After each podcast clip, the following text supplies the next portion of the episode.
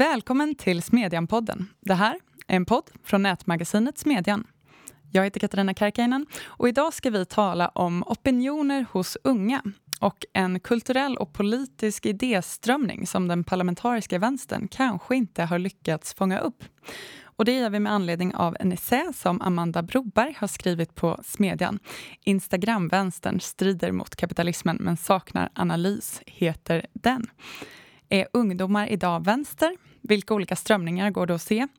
Och vad avgör egentligen en generations politiska uppfattningar?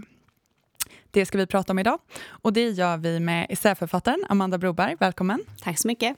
Med oss här i studion har vi också Benjamin Dosa, ordförande för Moderata ungdomsförbundet och tillträdande vd på tankesmedjan Timbro. Välkommen. Tack så mycket. Och med oss på länk är Patrik Öberg som är forskare och lärare vid statsvetenskapliga institutionen vid Göteborgs universitet. Välkommen. Tackar.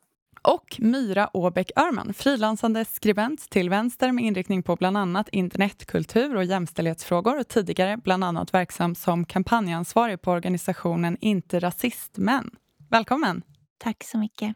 Amanda, i inledningen till din essä går att läsa den parlamentariska vänstern tappar mark men parallellt med högervindarna bland unga börjar en ny vänsterrörelse växa sig stark. Vad är det för rörelse som du ser? Det är en rörelse som man ser framför allt i en mer anglosaxisk kontext och en amerikansk kontext men som också jag tror börjar sprida sig till Sverige sakta men säkert. Och det som jag lite menar och vill utmana är väl narrativet om att högern skulle vara så himla stark bland unga idag. Och det kanske gäller till viss del parlamentariskt och i en svensk kontext. Men om man kollar på mer, en mer ideologisk grundsyn och det mer subtilt politiska i synen på allt från liksom finansmarknadens cykler till mer progressiva värderingsfrågor så skulle jag säga att man ser en ungdomsgeneration som allt mer tydligt lutar åt vänster idag faktiskt. Ja, du skriver om det, att det finns en mer liksom subtil rörelse i kulturen, i synen på samhället som lutar åt vänster. Kan du berätta lite mer? Vad finns det för tecken om vi ska försöka vara konkreta? Jag radar upp några saker i sen. Eh, en sak tycker jag är synen på liksom, eh, kapitalismen och eh, kapitalismen som, som idé och att det skulle liksom vara ett, ett samhällssystem som är dåligt men utan att man liksom egentligen går in på då alternativen. Och där så tycker jag det märks dels i diskussionen om det man kallar övervakningskapitalism till exempel. Eh, kritiken mot de stora techbolagen, synen på hur liksom, kapitalism eller marknadslogik letas in i våra relationer. Eh, men det syns också på mer eh, värderingsfrågor kring antirasism, intersektionalitet, feminism där man generellt märker av en ganska vänstervriden analys. Eh, det finns också i liksom en spänning mellan en yngre generation och en äldre generation där millennials då, som är liksom den yngre generationen som jag refererar till upplever sig eh, ja, lite så förrådda av en äldre generation och menar att systemet med liksom allt från finansmarknaden och cykler till gigjobb till bostadsmarknad, det är riggat till vår nackdel. Det var någon artikel i The Spectator nyligen där rubriken var “Millennials don't stand a chance” Eh, där analysen i mångt och mycket utgick väldigt mycket från vänster men eh, själva liksom berättelsen om det förkläddes som en väldigt så här, neutral observation. Och Det tror jag också är ett tecken eh, i tiden på den här vänsterrörelsen att det förkläs inte som en vänsterkritik men om man borrar lite mer i det så är det ganska tydligt att det är en eh, mer vänstervriden analys som det utgår ifrån. Och hur tycker du att man ser det här i Sverige? Du skriver lite om vilka liksom, nyheter man konsumerar, vad man postar på sociala medier, vilka poddar man lyssnar på. Dels tror jag att man måste förstå att det politiska engagemanget idag, framförallt på sociala medier, är en mer liksom internationell eller globaliserad företeelse. Så även om de här typen av tendenser märks tydligare av i en amerikansk eller brittisk kontext så kommer det liksom kunna importeras till Sverige. Det märks inte minst nu i, i de diskussioner som har varit kring den antirasistiska rörelsen där man eh, på sätt och vis håller på att importera en ganska amerikansk problemformuleringsanalys. Eh, och jag tror att det kan vara vanskligt på många olika sätt. Men det är framför allt ett tecken på att även liksom vår politiska uppfattning om saker och ting är någonting som inte eh, helt och hållet bara är liksom en produkt av den nationella kontext vi verkar i, i längre, så att säga. Uh, så. Uh, och sen så tycker jag, och det kanske är liksom lite mer anekdotisk bevisföring, men om man kollar på en del av de stora och mest lyssnade poddarna då i Sverige så har man, utgår man ganska mycket från en vänstervriden analys. Jag nämner Stormens utveckling, som jag personligen tycker är en väldigt, väldigt bra podd, men det går inte att förneka att man är väldigt, väldigt vänstervriden i sitt anspråk. En varg söker sin podd eh, i en annan podcast jag nämner. Eh, Liv Strömquist, som jag refererar till, ett av hennes seriealbum, seriealbum Uppgång och fall, är också en eh, liksom, intellektuell tänkare i Sverige idag, eh, som, som i grund och botten skulle jag säga i princip är marxist. Liksom. Um, så, så, där, och där tänker jag att många av de som konsumerar de här poddarna eller läser Strömquists seriealbum kan inte spontant tänka att det här är vänsterpropaganda. Liksom, utan man tar lite mer det här för liksom att vara kulturella spaningar om vår samtid. Och de kan absolut vara intressanta och, och de analyserna tycker jag personligen också liksom kan, kan bidra med saker. Men det man måste komma ihåg är liksom att det här är också i grund och botten en, en vänstersyn på samhället och på kulturen. Och det ska man liksom inte komma undan med eh, så, eh, bara för att man har bra spaningar i poddar till exempel. Där kanske inte är unga människor som nödvändigtvis skulle gå med i Ung Vänster och liksom aktivera sig på det sättet, men det påverkar ändå hur man ser på, på samhället och olika politiska frågor. Ja, absolut. Och en utmärkande sak för den här generationen är också att man är väldigt skeptisk mot just politiska partier. Man brukar säga att det här är den generation som liksom är ja, har störst misstro mot partipolitiken liksom, någonsin. Men samtidigt så har man en, en väldigt stark övertro till politikens förmåga och statens förmåga att lösa problem. Vilket ju sig också är, får man säga, en hållning som, som är mer vanligt förekommande till vänster om den politiska skalan. Mm. Myra, jag måste släppa in dig. Du som har lång erfarenhet av internetkultur, låter som medelålders, men uh, ungas politiska engagemang på, på nätet. Håller du med om den här beskrivningen som uh, Amanda ger, eller vad ser du på din horisont? Jag håller med om eh, inte jag håller med om spaningen, även om jag inte nödvändigtvis håller med om eh, problemformuleringen, om man ska säga så. Eh, jag tänker att den här nya vänstern som Amanda skriver om har ju faktiskt, eh, inte minst i hur den beskrivs, en del likheter med vad som då kallades den nya vänstern, alltså den som, som började där i slutet på 60 och 70-talet. Bland annat inom, inom då, eh, universitet och sådär. Eh, med, med personer som Noam Chomsky och Gloria Steinem och så vidare. Eh, den rörelsen var ju också en, en rörelse som främst tog avstamp i ungdomskultur. Den tog avstamp i en, eh, vad ska man säga, en, en kritik mot kanske den tidigare vänsterrörelsen som främst var fokuserad på arbetares rättigheter och kanske var just den här Eh, du beskriver det som millennials mot boomers. Så det var ju lite samma tendens då. att Det var främst unga människor, radikala människor eh, som eh, på olika sätt eh, ville skapa en ny vänster som handlade om intersektionella frågor, som handlade om kritik mot eh, könsmaktsordningen eller mot rasism och såna grejer. Eh, och jag tycker att det här, den här nya vänsterrörelsen som Amanda skriver om har ganska många likheter med den rörelsen. Alltså att det är eh, en ganska kulturell vänster. Amanda skriver att den, att den saknar djupare analys. Um, och det kan man väl, jag vet inte, man kanske ska kalla den populistisk i någon form. Att det handlar om eh, ett, ett, ett engagemang för en mer rättvis eh, värld på många sätt. Eh, ett engagemang emot ett system som har visat sig på senare tid fungera jävligt dåligt. Eh, du har ju till och med haft eh, personer som, som ehm, för, redan för några år sedan så stod ju eh, Philip Hammond som är Tory, Tory-politiker, eller före detta Tory-politiker och inleder liksom den konservativa konferen konferensen och pratar om just att hans citat är att, att det har liksom öppnats en avgrund i, i västvärlden mellan teorin om hur marknadsekonomi ska leverera och hur den levererar i verkligheten.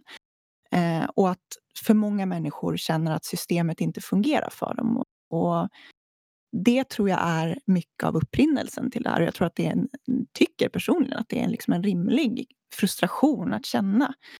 Eh, att känna att vi behöver ett bättre ekonomiskt system som är mer rättvist, som är mer eh, inkluderande, som inte exploaterar människor på samma sätt.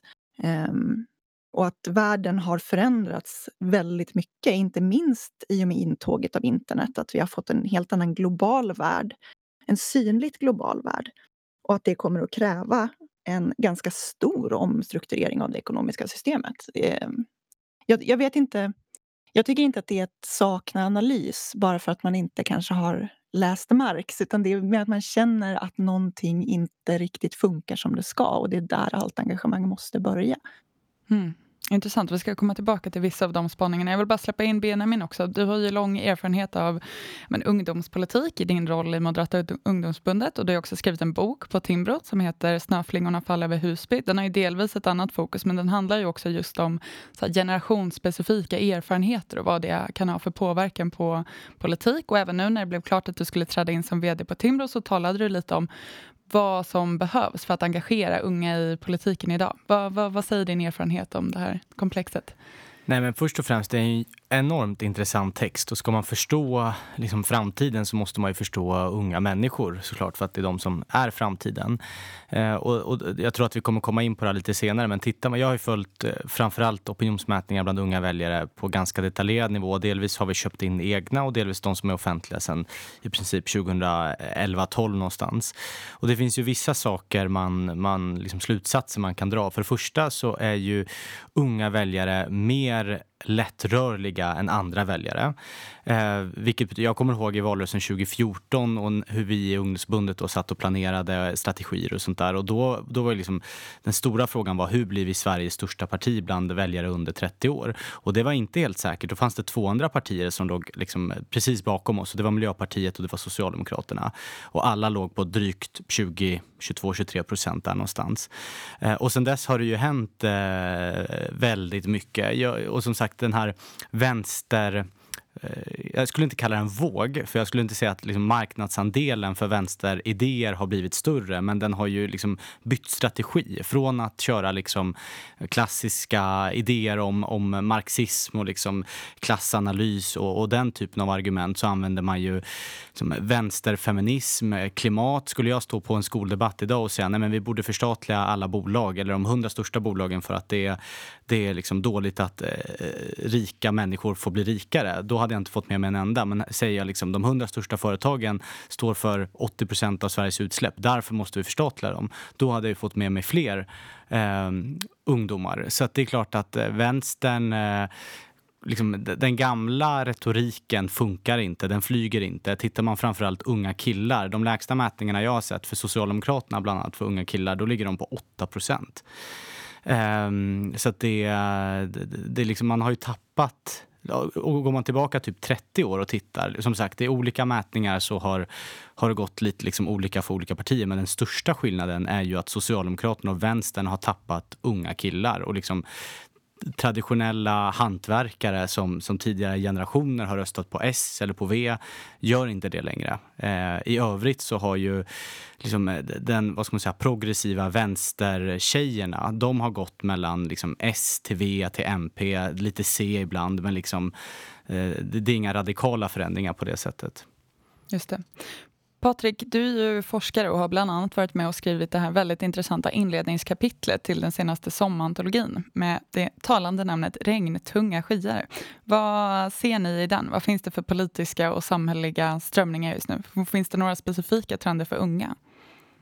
Ja, det finns ju en tid före och efter covid. För när vi skrev det här kapitlet så pekade ju många siffror ner att folk var, generellt svenska folket var mer deppiga kring landets ekonomi. Eh, man tror att det kommer gå utför. Det fanns liksom många av de här indikatorerna pekade neråt. Men sen så kom ju eh, eh, corona och det blev ju som en eh, boom till hela förtroendet för samhällsinstitutionerna, för eh, optimism, för partierna. Så att det vi skrev Regntunga skyar, det kanske är sant igen om eh, ett år. Men just corona blev, blev gav en slags injektionskick eh, och botade då den här kommande pessimismen som vi då kunde se var i antågande. Så att, eh, så att det vi skrev då förändrade corona ganska drastiskt.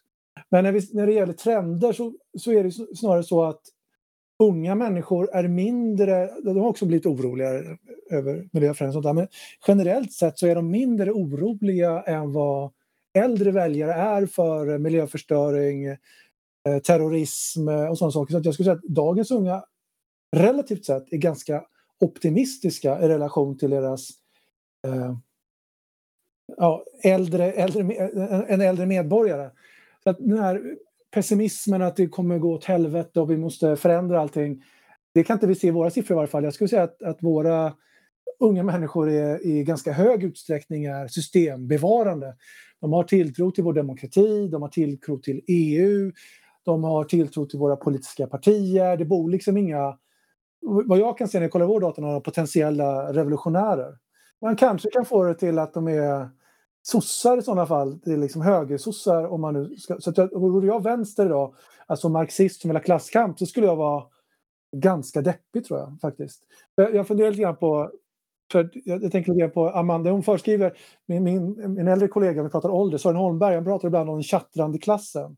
Så jag undrar vilken utsträckning som Amanda egentligen bara har fångat eller studerat de här som sitter och tjattrar på, på nätet. De har egentligen inte så stort inflytande, men de sitter och tjattrar med varandra. Så det är bara ett ytfenomen, men går vi lite under ytan och tittar på vad som händer så kan vi inte riktigt se de här, de här strömmarna. Eh, jag, jag tänkte bara tänkte, en ung tjej idag, vill hon stänga en bank eller drömmer hon om att öppna en egen bank som är nischad? Då skulle jag gissa på det senare. Att en ung tjej idag drömmer mer om att starta en egen nischad bank som tar in en massa värderingar som är sunda men hon vill liksom hänga med och tjäna pengar i ett eh, kapitalistiskt samhälle. Mer än att störta det och, och, och göra någonting annat. Det skulle nog vara min uppfattning också. Eh, med reservation då för att jag såklart rör mig mer i vänsterkretsar och därför eh, kanske i mindre utsträckning ser den här strömningen av, av eh, eh, radikala vänstertankar. Nej, men jag tror inte heller att det bor så många revolutionärer i den här Instagram-vänstern som jag, som jag liksom skriver om. Men däremot så, så, så, finns det den typen av tongångar. Det betyder inte att de kommer, liksom, för att citera Ebba Grön, liksom beväpna sig. Men, men däremot så tror jag att eh, här, den här utvecklingen, och det ska man vara medveten om, och det var lite kämpigt när jag skrev den här texten, för att den märks mycket mer än statistiskt i en amerikansk kontext. Och där finns det ganska ja, men, tydlig liksom, tydliga indikationer på att unga idag är mer positivt inställda till till exempel socialism. Jag tror det är Pew Research som har kollat på även generation Z som är generationen som kommer efter millennials och där ser man liksom en tydlig övertro till exempel till att staten skulle kunna lösa problem som skiljer sig ganska radikalt från tidigare generationer. Eh, så min ingång där har ju varit mycket lite så från ett så liberalt borgerligt håll, se upp för den här utvecklingen. För jag tror att den finns i USA nu, den finns i Storbritannien nu, men den kommer nog sprida sig till, till Sverige och andra europeiska länder också. Just för att idag så är det så många politiska problemanalyser som blir mer globala med, med internetkulturen. Och sen tror inte jag nödvändigtvis att det här liksom är ett uttryck, den här Instagram-vänstern eller den här analysen är ett uttryck för att man är pessimistisk. Men däremot att det finns lite det som, som Myra tycker jag var inne på också. Det finns en generationsspänning, en politisk konflikt, polit, politisk konflikt mellan generationer som påminner, eh, eh, precis som du sa Myra, om, om eh, 68-vänstern.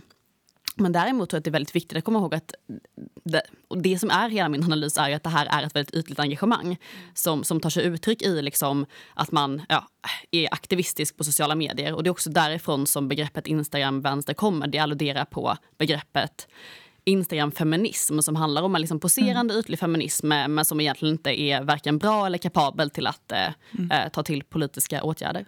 Men i vilken utsträckning skulle ni säga då att det här är ett problem för vänstern? Att det finns en sån här samhällsanalys med vänstern men att man inte till synes lyckas fånga upp den här eller att det inte blir eh, några realiteter? Jag tror det är ett problem för den parlamentariska vänstern, absolut. Det är det verkligen. Eh, men däremot tror jag att man, man kommer nog kunna liksom bära lite frukt av att eh, många unga idag har en vänstersyn eh, som de liksom kanske får av sin kulturkonsumtion och så utan att riktigt tänka att eh, nu har jag gjort en klassanalys. Men synen på allt från liksom då techbolag till att man har en ekonomifiering av kärleksrelationer det är liksom i grund och botten en så här antikapitalistisk analys som, som formuleras av till exempel de som poddar Stormens utveckling. Eh, och där tror jag att många liksom unga blir matade i brist på bättre ord med en, en ganska vänstervriden syn utan att själva kanske tänka spontant okej, okay, ja, då borde jag gå med i Vänsterpartiet eller Socialdemokraterna. Jag undrar också, för det står ändå intressant i den här somantologin att det ändå finns en viss dyster framtidstro som är kännetecknande för framförallt de i generation Z. Att det handlar om etablering på bostads och arbetsmarknaden, eh, att man mer uppmärksammar sociala, ekonomiska och kulturella klyftor Och jag undrar på ett bredare plan, eh, till samtliga deltagare idag. Eh, det här med så, vad som påverkar människors ideologiska uppfattningar. Jag har tänkt på det de senaste åren i liksom, borgerligheten i Sverige och i Europa. Där det känns som att det finns vissa så att säga, generationsspecifika erfarenheter som kan vara ganska svåra att överbrygga. Om man växte upp med murens fall och ett 90-tal där allt var möjligt och man blickade ut i världen så kanske man får andra politiska preferenser än om man växte upp med 11 september-attackerna och kriget mot terrorismen som sitt första politiska minne. Eller för den delen om man växer upp idag i ett eh, ja, men ganska otryggt Sverige.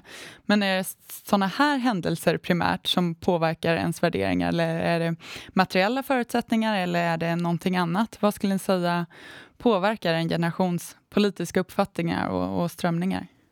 Jag tycker en intressant del där om man kollar i svensk kontext är att det verkar vara en ganska stor polarisering mellan tjejer och killar idag. Mm. Eh, mm. Det är en väldigt tydlig liksom, ja, skiljelinje liksom där, eller en väldigt tydlig aspekt där man märker att unga tjejer sticker betydligt mer åt vänster medan eh, killar i högre utsträckning röstar på ja, höger eller på Sverigedemokraterna.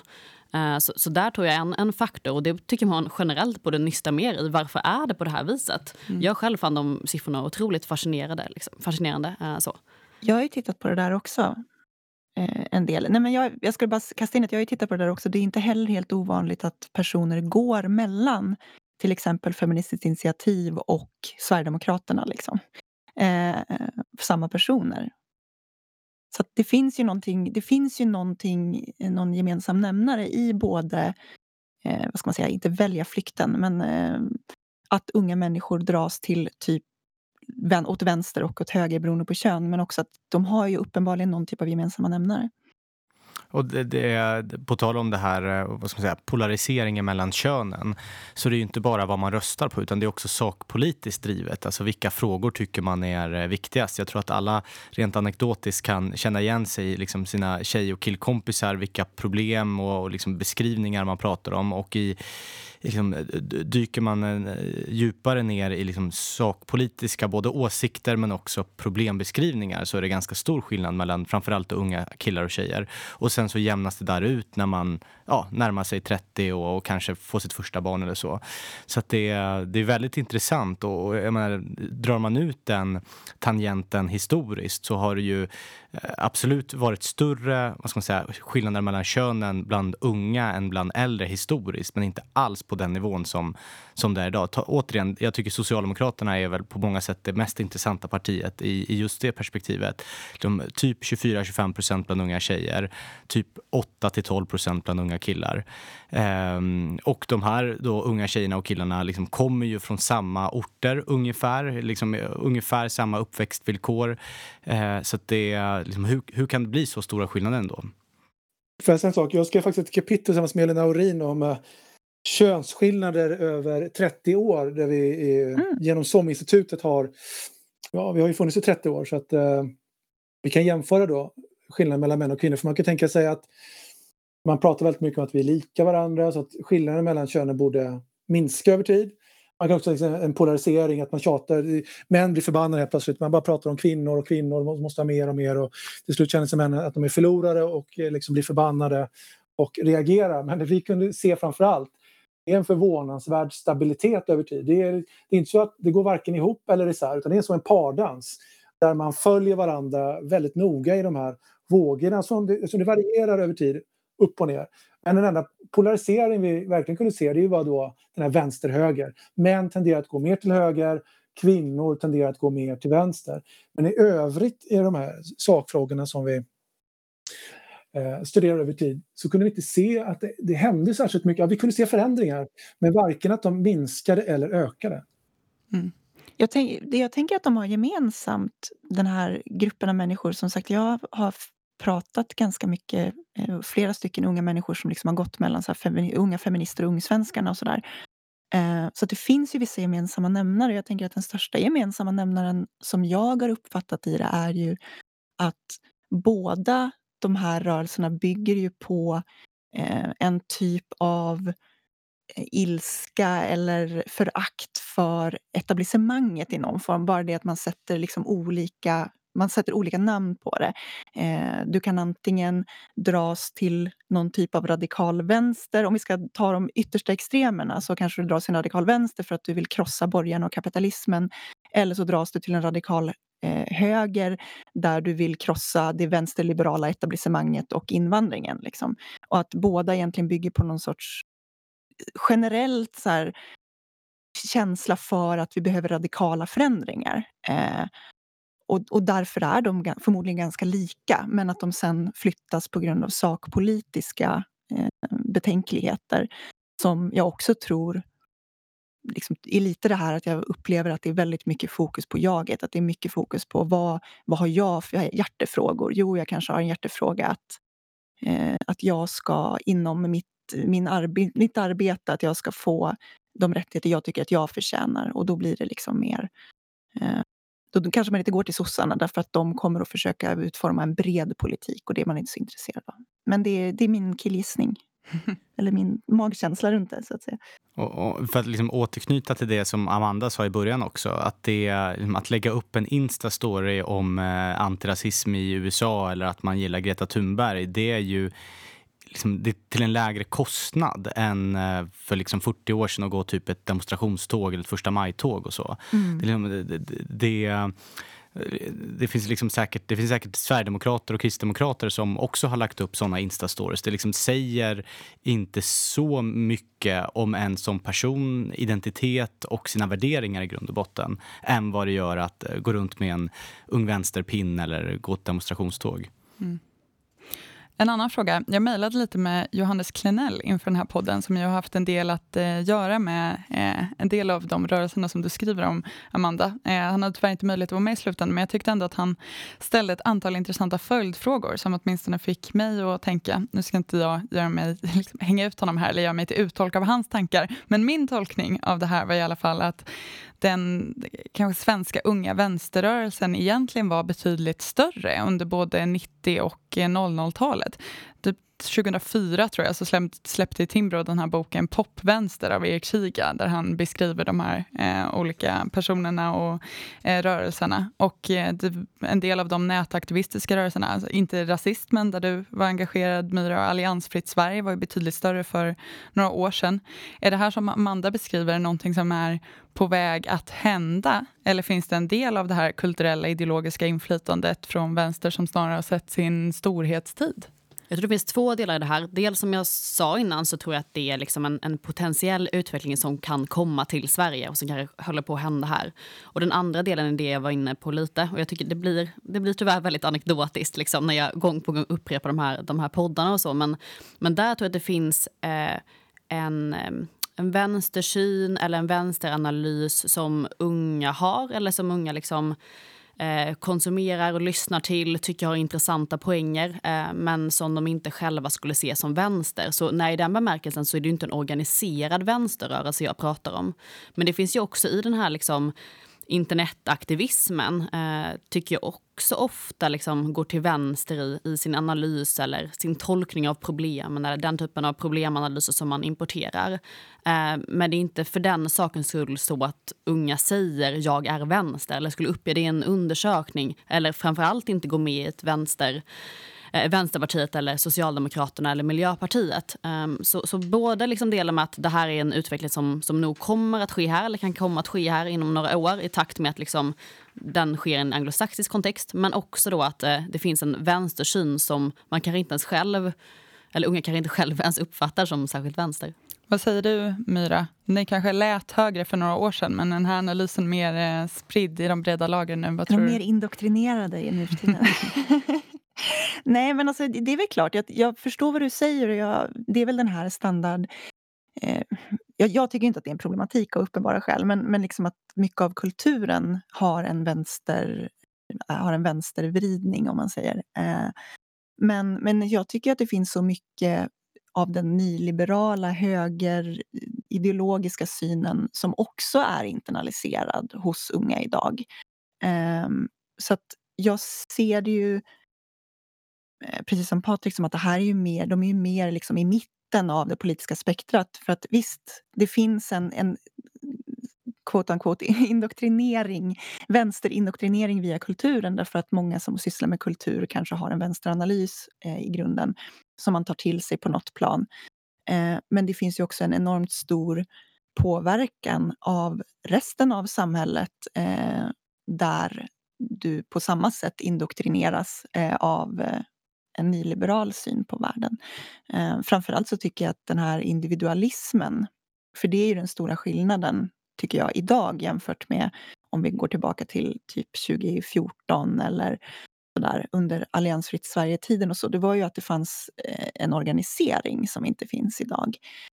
Um, och det är för att den här organiseringen kräver ju i någon mån en kollektivistiskt, mm. ett kollektivistiskt anslag. Alltså att vi ska jobba tillsammans för de här politiska idéerna. Medan idag så är det mycket mer att du sitter hemma på din egen kammare och delar saker.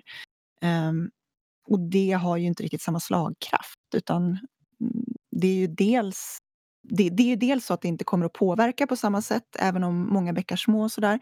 Men, men framförallt så innebär det ju att människor har mycket lättare att flytta sina politiska, sin politiska tillhörighet därför att du är en ensam ö i det här. Eh, vilket gör att du kan liksom flyta mellan olika, olika grupperingar. Mm. Um, så det är väl den stora skillnaden um, nu och då, tror jag. Vi måste alldeles strax börja runda av nu, men om vi avslutningsvis bara ska blicka framåt lite grann så undrar jag, Patrik, vad ser du för trender på horisonten? Är det vänster eller högervindar som blåser bland Sveriges unga? Eller är det vindstilla? Vad kan man förvänta sig framöver? Jag tror att de här livsstilsvänstern, eh, jag tror att de eh, Alltså i, fram, I framtiden kommer vi prata mer om jag får säga, vuxna frågor, alltså de här strukturella frågorna. Bostäder, arbetsmarknad, eh, eh, uppdelningen av samhället, alltså en mer klassiska vänster-höger-frågor. Så jag tror att samhället, det är samtidigt på tillbaka, det är det vi känner igen med, med klassiska vänster och höger-frågor och problembilder av hur samhället ska lösas för att eh, det vi har framför oss då, det är stora materiella problem. Så det är vad jag ser framför mig. Men det får lov att bli sista ordet idag. Och jag får lov att säga varmt tack till Patrik Öberg och Myra Åbäck Örman för att ni ville vara med idag. Tackar. Tack också till Benjamin Dosa och Amanda Broberg. Tack så mycket. Tack. Och tack också till er som har lyssnat. Jag ska också påminna om att den essä av Amanda Broberg som vi har pratat om idag, Instagram-vänstern, strider mot kapitalismen men saknar analys, naturligtvis finns att läsa på timbro.se smedjan, precis som våra andra texter. Vi ses där och hörs igen här om en vecka.